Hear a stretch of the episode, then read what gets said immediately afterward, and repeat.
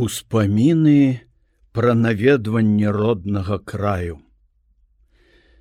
Край, дзе чалавек жыў шчаслівую пару свае маладосці, дзе ў размовах і забавах сустракаў сапраўдную шчырасць і даверлівасць душы зычлівых і добрых сяброў, настаўнікаў і маладых прыцеляў, гэты край у памяці таго, хто жыве на чужыне, заўсёды паўстае у найпрыгажэйшых колерах. Там, здаецца, яшчэ не скончыўся той залаты век, калі чалавек не разумеў, што такое нядоля і пакуты, і рэчкі там з малака і мёду. Хто ж з краёў далёкіх не сумуе па сваіх ваколіцах. Там, нашыя жаданні і думкі жывуць. Туды хацеў бы ляцець я на крылах. Калісьці я спяшаўся з поўначы на берагі дзвіны, каб пабачыць тыя ваколіцы, малюнкі, якіх заўсёды хаваў я ў глыбіні свае душы. Ледь набліжуся да радзімай старонкі, здавалася мне, што дубы і хвоі кланяліся, вітаючы даўно знаёмага гостя. Горы азёры, свецячыся здалёк, нагадвалі мне розныя памяткі мінуўшчыны. Вой шуміць хуткаплынная рэчка дрыса, бяжыць да дзвіны праз густыя лясы і пясчаныя бары, абуджаючы шмат згадак.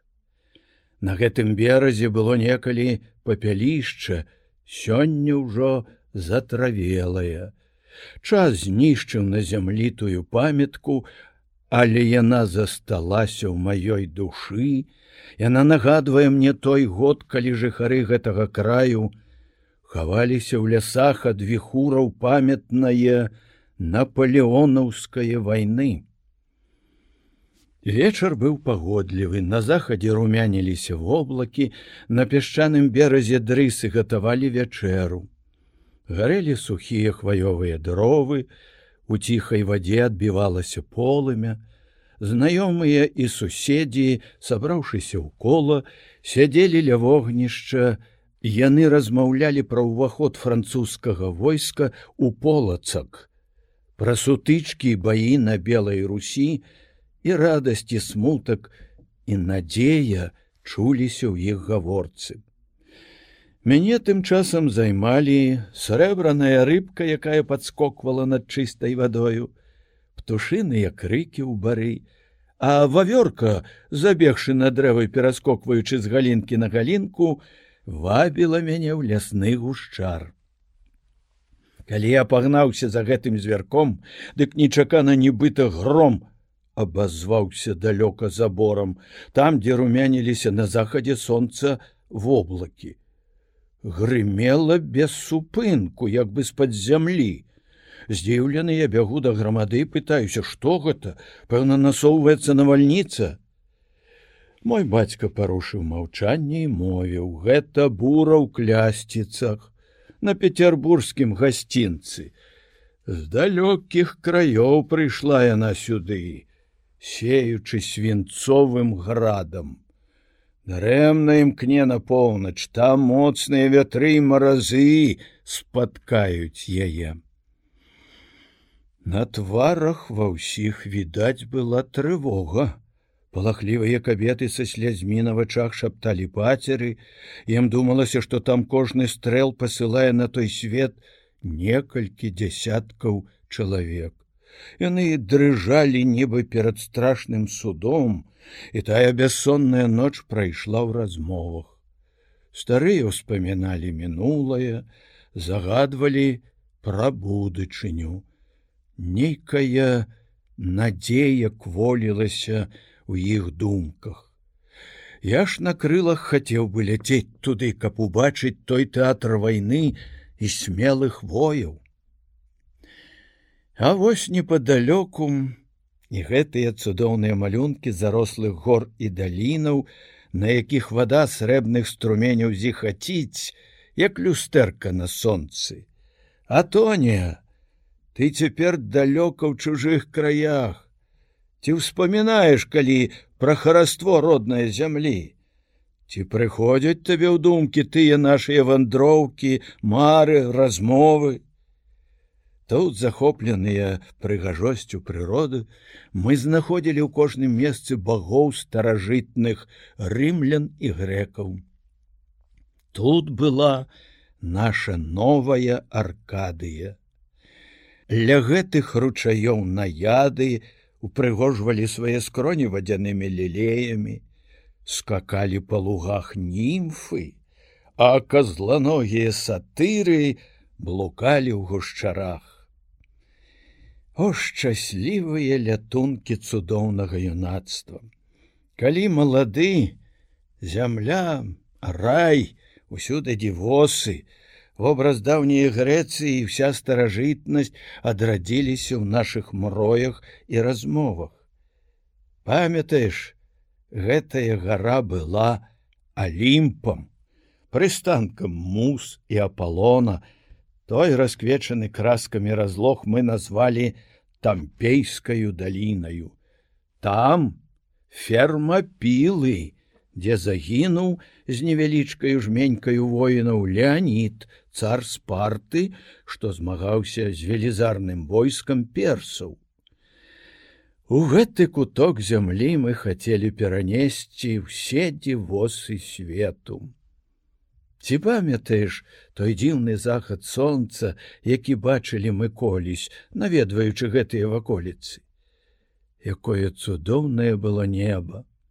Пасма густых хмараў расцягнуліся над даляглядам, а іх распаленыя краі гарэлі рубінавым агнём.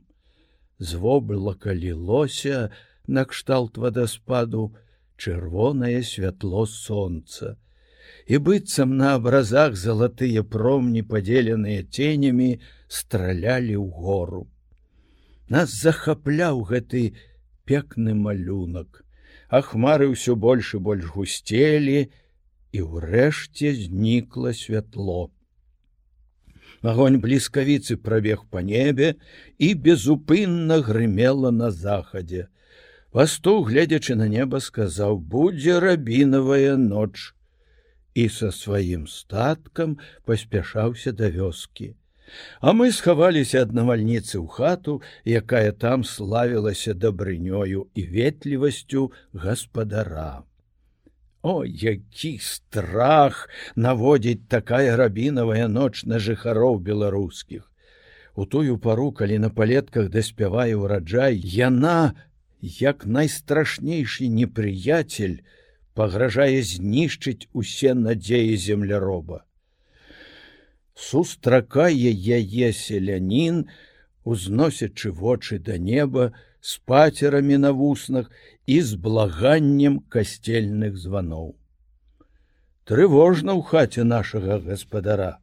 Гатовы сабак выганяюць, бо ўцякаючы ад перуноў злы дух паводле веры тутэйшых жыхароў, хаваюцца звычайна ў целе гэтых жывёлін. Кідаюць на жар свянцоныя зёлкі і пасля кожнай бліскавіцы з заміраннем сэрца паўтараюць малітвы начны змрок хмары зацьмілі неба і зямлю перуны як вогненныя вужакі сжыгалі адзін за адным сярод чорных хваляў воблакаў грымоты скаланалі будынак дождж з градам сек у вокны ветер выў за сцяною мінула поўнач. А пра сон ніхто і не думаў. Уся сям'я, сабраўшыся ў кола пасылала небу малітвы. Аліна стаяла ля маці, твар яе быў белы як лілея, з надзеяю і спакоем душы, як анёл суцяшальнік, казала дзяўчына бацькам пра волю і міласэрнасць Божую. А тоня, ты памятаеш тую ноч, ты ў той час не чуў ні выцця вятроў, ні навальнічных грымотаў, твае вочы і думкі былі занятыя алінаюм. У душы было найяснейшае надвор'е, бо прамень аліненых вачэй сустракаў твой позірк і пранікаў у сэрца. Гэтая ноч была для цябе светлаю мараю. Цяпер у далечыні ад бацькоўскай зямлі, ці бачыш яшчэ калі-небудзь гэтыя пекныя вочы в смутным задуменні ці ў сне. Але ах, час усё руйнуе. Колькі зорак з'явілася на небе. Вецер пагнаў на лясы і горы рэшткі хмар. Заранка румяніла неба, Взышло солнце.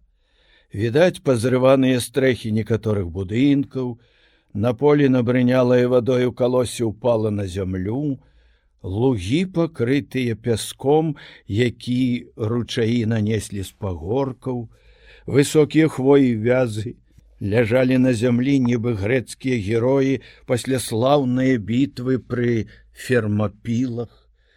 Усюды страшныя сляды пакінула навальніца. Сустракаю стогадовы дуб. Ён вытрываў, перамог, непагадь і віхуры. Рабінавыя ночы не адолелі старога героя. Яшчэ раскіне зялёныя шаты, запрашаючы пілігрыма адпачыць у прахалодзе засенем.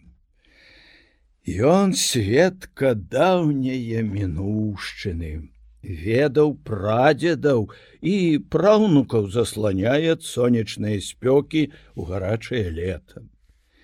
Тут у святочныя дні збіраюцца сяляне з усёй ваколіцы. Я бачыў іх забавы, Яны выносяць з дамоў сталы і старыя сеўшы пры гарэлцы, гавораць пра мінулае жыццё, пра суседзяў, паноў і пра палітую потам зямлю.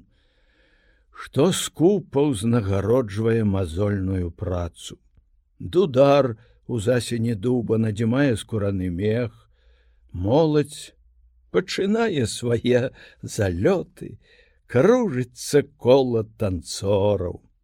Тут сустрэнеш жаўнера, які крануты іх гасціннасцю, забудзе пра сваю далёкую сям'ю.